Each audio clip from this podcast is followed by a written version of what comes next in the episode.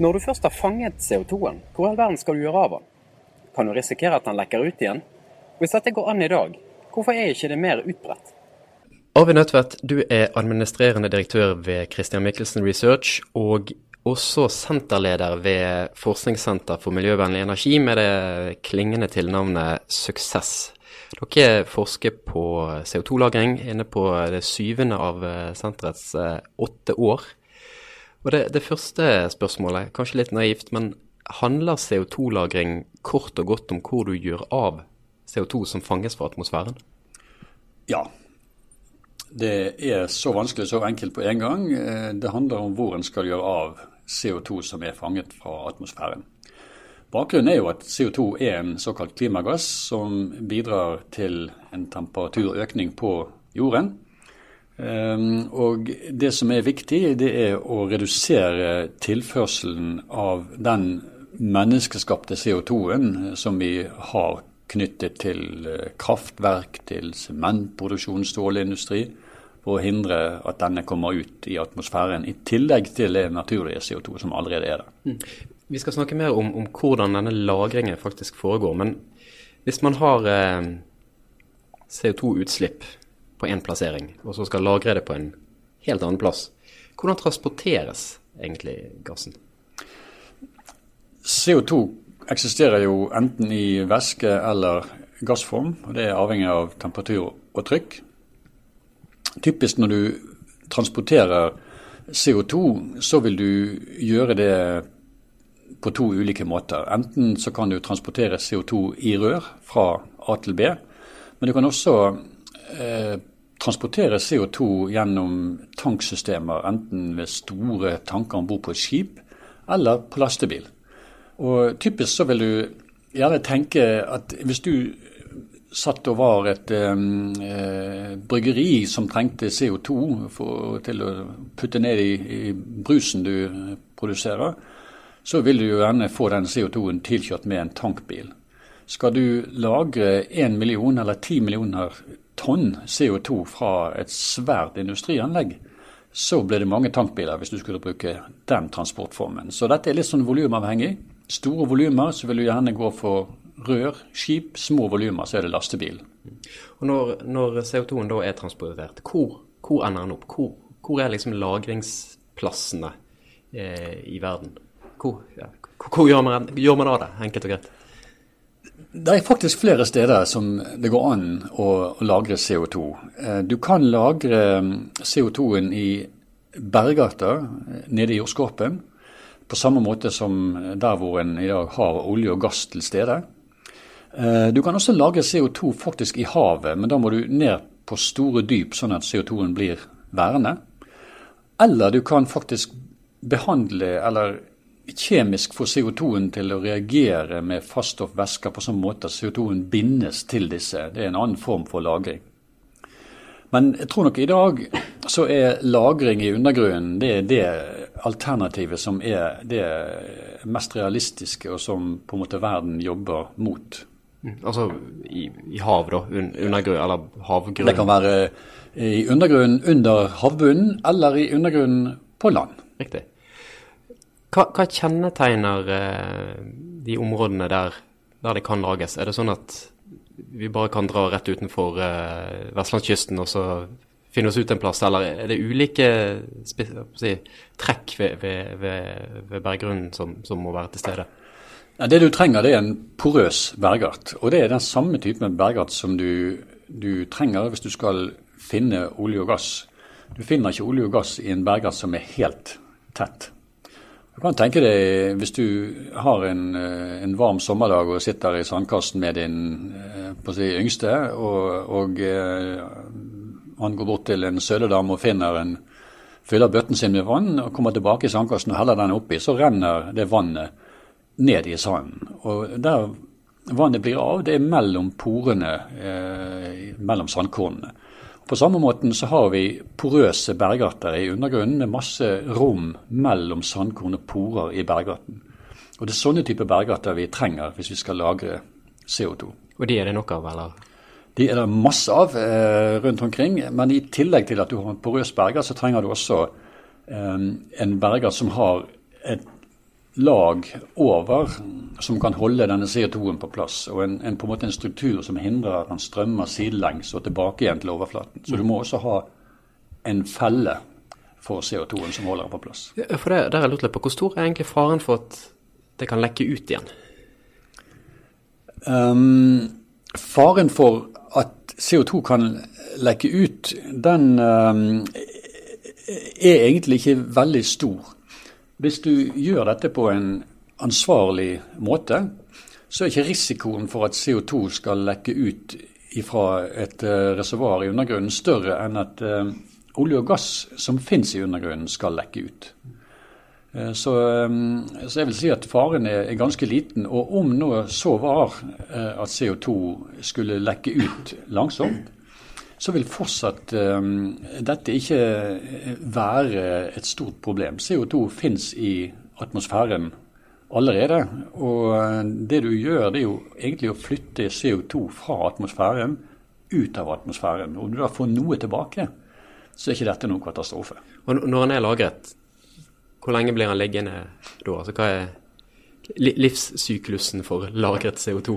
Sikkert ikke et vitenskapelig begrep, men eh, du skjønner hva jeg mener? Jeg skjønner hva du mener. og nå er Min bakgrunn den er jo som, som geolog så er jeg jo vant til å tenke både i tusener og millioner, og ikke si milliarder, av år. Så eh, hvis du ser på det, det veldig veldig lange perspektivet, milliarder av år, så er jo ingenting sikkert. For jorden er en kontinuerlig forandring gjennom at du danner nye fjell, og du sliter de ned, og, og jordskorpeplater som flytter seg.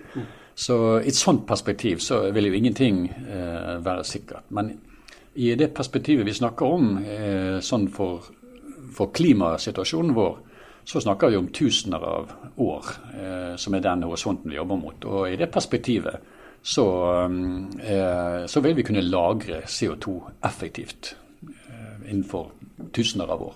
Så vi kan i hvert fall konstatere at det, det er lenger enn neste stortingsperiode, som ofte er den tidstermen andre myndigheter eh, tenker i. Definitivt. Hvor utbredt er dette i dag? CO2 i dag eh, Altså lagringen, eh, tenker jeg da. Ja, CO2-lagring eh, i dag er ikke veldig utbredt. Det vi har av CO2-lagre i dag, er knyttet til typiske eh, demonstrasjonsprosjekter. På norsk side så er vi nok de fleste mest kjent med det som skjer på Sleipner-feltet i Nordsjøen, der Statoil nå gjennom mer enn 15 år har injisert rundt 1 million tonn per år. Og det har blitt gjort både trygt og effektivt, eh, og har vært en stor suksess. I tillegg så har vi også injeksjon i Barentshavet, inn i Snøhvitfeltet. Eh, hvor en skiller CO2 eh, fra, fra gassen og pumper den tilbake på Snøhvitfeltet. Hvorfor er det ikke mer utbredt, hvis man har teknologien og man har det åpenbare problemet med, med CO2 fra, fra utslippskilder? Det er først og fremst en økonomisk årsak til at det ikke er mer utbredt. Og Det har sammenheng med at kostnadene for å fange, transportere og lagre CO2 de er vesentlig, for ikke å si mye høyere, enn det som i dag utgjør kvoteprisen for CO2. Og Det betyr jo at eh, da må den som skal lagre CO2 betale mer enn den får tilbake. Eh, og Det er fordi at den prisen som i dag det internasjonale kvotemarkedet har satt, eh, den er altfor lav til å forsvare kostnadene knyttet til fangst, transport, lagring. Jeg tror at Skal du få dette til eh, på, på, lang sikt, og som et bidrag til å løse klimaproblemet, så må du enten få til en mekanisme som priser eh, CO2-en, og da globalt som priser CO2-en eh, til en kostnad som gjør det lønnsomt å lagre CO2. Eller så kan en tenke seg at enkeltland, regioner, tar et ansvar i forhold til klimautfordringen og og tar kostnadene som er knyttet til dette, for å få det til å skje. Og Da kan man jo tenke seg at eh, land som slipper ut veldig mye CO2, de burde ta et særskilt ansvar i forhold til de land som slipper ut lite CO2. Er det et, eh, altså er det kostnadsspørsmål mellom det og, og hvis jeg, jeg tenker i et litt lengre perspektiv.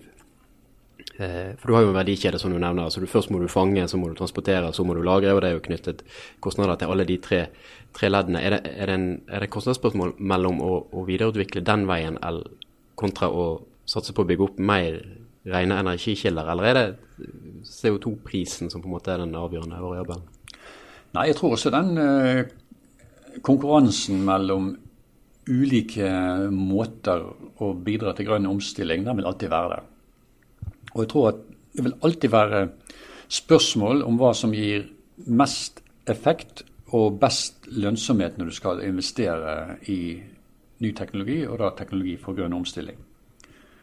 Jeg tror problemet vårt i dag er, dreier seg kanskje veldig mye om at um, verken CO2-fangst og -lagring eller fornybar energi alene vil klare å få til denne omstillingen fort nok til at vi løser klimaproblemet. Så enn så lenge, tror jeg, så vil det være bruk for begge. Mm. Hvis vi vender blikket litt uh, tilbake igjen til uh, forskningen som dere har, uh, har gjort og for, eller holder på med fremdeles her med, på, på FME Suksess.